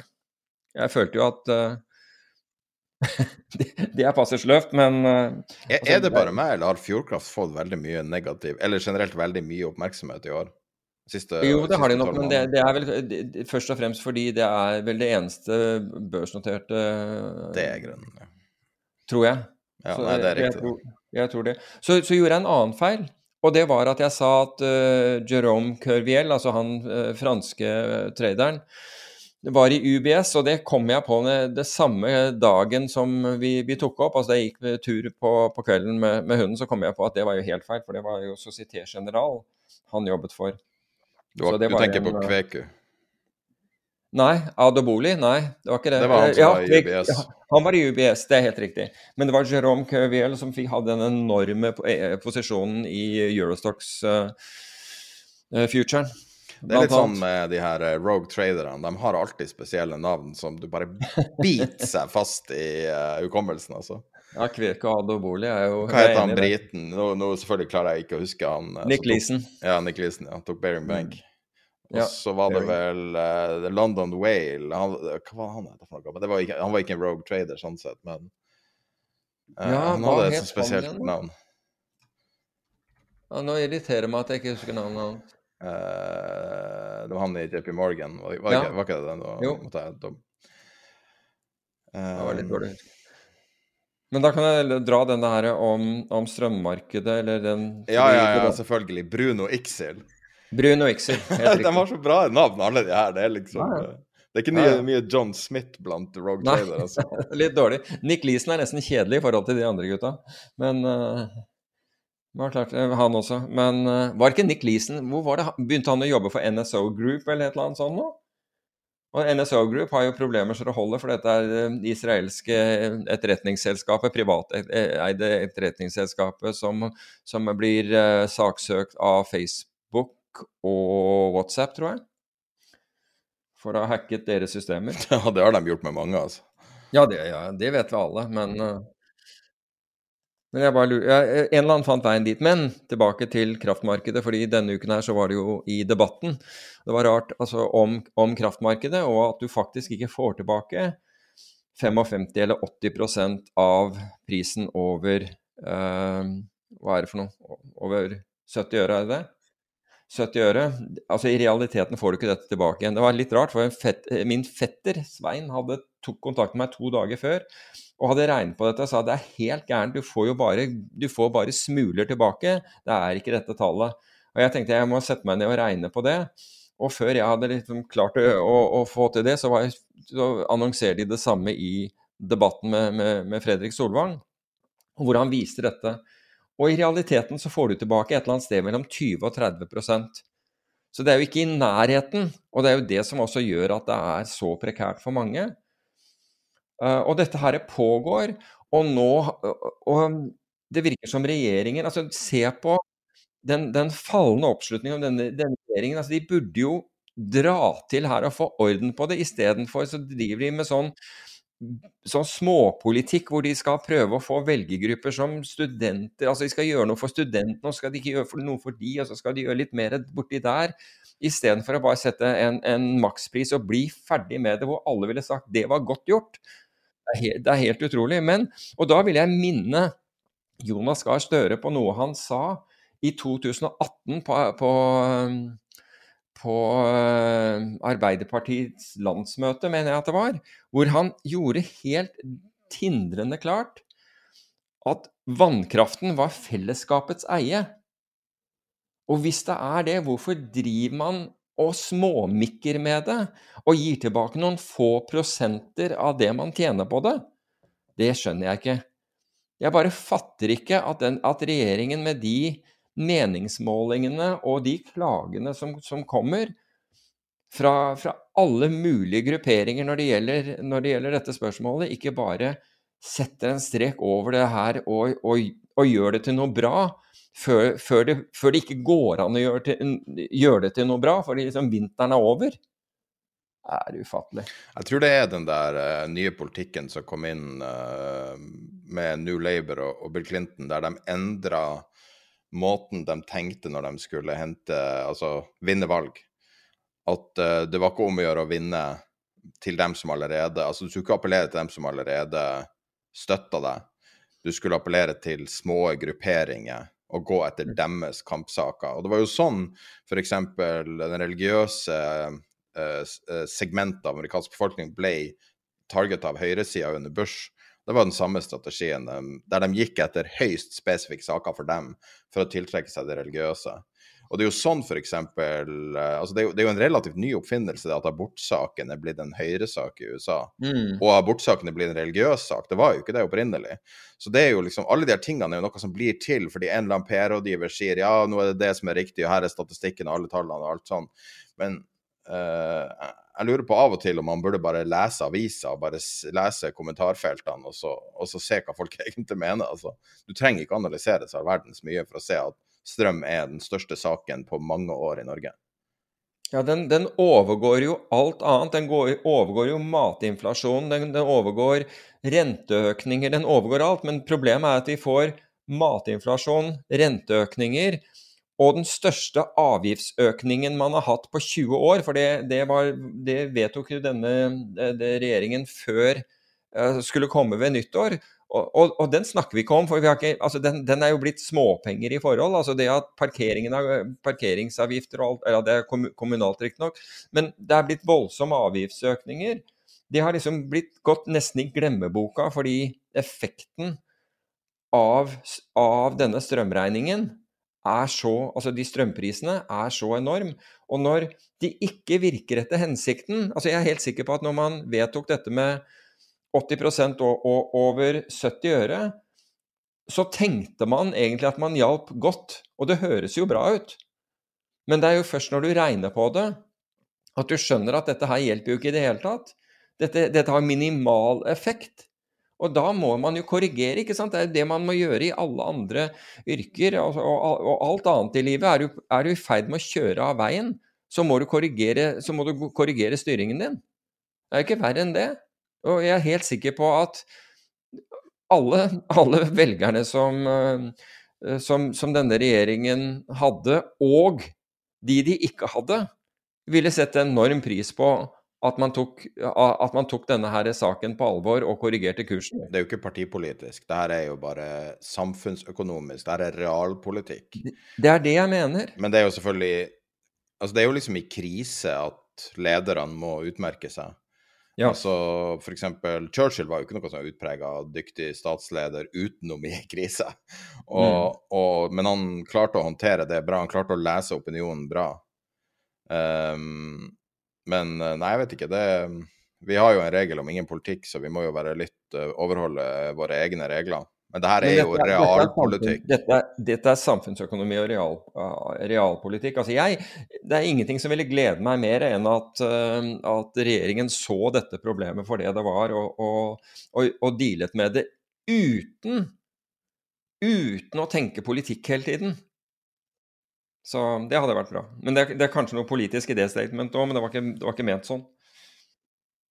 Men da eh, må vi nok runde av. Klokka går fra oss. Mm. Få god tur. Tusen takk. Kan du eh, Forrige gang var det penn. Jeg forespurte den der koppen fra Goldman. Å ja, riktig. Ja, men du, husker du, du fikk en sånn snø... Å oh, ja, Snowgloven, ja. ja. Men det var ikke fra Goldman. Ja, nei, det fikk du fra Miami. Ja, Jeg- jeg har den i Nå står det i eske, da, dessverre. Men jeg har jo sånn Ja. Snow Globe-samling. Nei, som i store drøm er en sånn Goldman 6-kopp som er blå. Som er fra Goldman Sachs Fund Management, som jeg har prøvd å kjøpe online. Ja, nå er det ikke Goldman som holder denne her, da. Så, så jeg trodde det det, var Hvem er det som holder den? det, det Context heter de, ja, det eh, den som, som holder denne. Så Litt deilig å dra på noe fysisk igjen, da. Ja, jeg, altså med 25 000 nye smittede her i Norge. Jeg testet i dag og var, var negativ, og må jo ha det og vaksinasjonsattester og ESTAR og hele greia. Det er jo en papirmølle av en annen verden. Skal jeg si noe du ikke kommer til å like? Mm. Alle jeg kjenner eller har noe med å gjøre, har hatt korona utenom det. Oh shit. Oh, shit. Jeg gikk gjennom det i hodet i stad. Ok. Men i hvert fall, så langt er jeg, er jeg koronafri. Men det skal jo bli en eh, Jeg snakket med kusinen min, som, er, som faktisk er flyvertinne, og hun fortalte For jeg spurte om det der med hvordan det er på, på fly. Og hun sa det er antagelig den, den du er, du er antagelig tryggest der, sa hun. For jeg sa hva hvis det sitter noen i nærheten? Der renses Jeg tror hun sa hvert tredje minutt, men det er mulig at det var oftere, Mm. hvor ofte luften renses på et fly. Det er samme som det var før når det var røyking på fly. Sånn det er jo blitt Det er jo den store eh, positive tingen med korona, er jo at de ikke lenger resirkulerer lufta. At det ikke resirkulerer Ok. Hvis du vil være trygg, kjøp deg FFP2 eller N95-maske på Biltema eller noe sånt. Det er det beste du kan ha. Det er filter på det. Ja, det er filter på Jeg har, jeg har filtermaske selv. Ja. eh, Fra Radiumhospitalets legater. Ja, Nei, det er det beste du Sånne kirurgmaske hjelper dessverre ikke så veldig mye for å forhindre at du får det. Hjelper alle andre. Så kanskje du kommer deg hjem igjen uten karantene. Ja, det hadde vært ålreit, det må jeg si. Men eh, det skal bli interessant, fordi apropos Michael Saylor, som du snakket om i MicroStrategy, han er på den konferansen, så det skal bli interessant å høre Det er han. ikke sikkert. Nei, nei, alt kan skje nå. Men, det, jo, men spesielt altså den, denne konferansen Husker, husker i 2018, altså, øh, var det vel? Da var det jo like Da, var det, da falt jo også markene fra hverandre. Vi hadde Og når, det, når, når du hadde den Volmageddon, da var jeg også på denne konferansen. Så, det, så denne konferansen korrelerer virkelig med hendelser i markedet. Altså. Husker du det bitcoin-julebordet vi ble invitert til? Mm, ja. Tror du det ble holdt? Det skulle bli holdt omtrent nå. Ja. Ja. Det var det du sa, at dette må være toppen? Det var ikke akkurat, det var ikke pga. julebordet, men eh, jeg calla toppen nesten på toppen i bitcoin i chat med deg. Jeg har det fortsatt uh, lagra. Ja, ja, og jeg er helt, jeg er helt enig i at du gjorde det. Jeg er helt enig i at du gjorde det, og det gjorde du på basis av eh, en, en fyr som, som var persistent bullish, og hva var det? Altså, han ville ha Jeg husker ikke. Jeg sa at han er personifisering av toppen. Det her er toppen. Ja, jeg Eneste gangen jeg calla noe riktig i mitt liv. Så. Du er så hyggelig at du ikke nevner navnet, navnet på vedkommende også, enda han har liksom vært, eh, Ja. vært på, får man si. Jeg skal heller ikke gjøre det her, så det er greit. Nei. Men um, when people get greedy, get afraid. Og when people get afraid, get greedy, er det noe sånt? Ja. I'll, I'll uh, speak to you from the, from the dark side. Snakkes om en uke. God tur. Det gjør vi. Hey, it's Paige DeSorbo from Giggly Squad. High quality fashion without the price tag. Say hello to Quince. I'm snagging high-end essentials like cozy cashmere sweaters, sleek leather jackets, fine jewelry, and so much more. With Quince being 50 to 80% less than similar brands. And they partner with factories that prioritize safe, ethical, and responsible manufacturing. I love that. Luxury quality within reach. Go to quince.com slash style to get free shipping and 365 day returns on your next order. Quince.com slash style.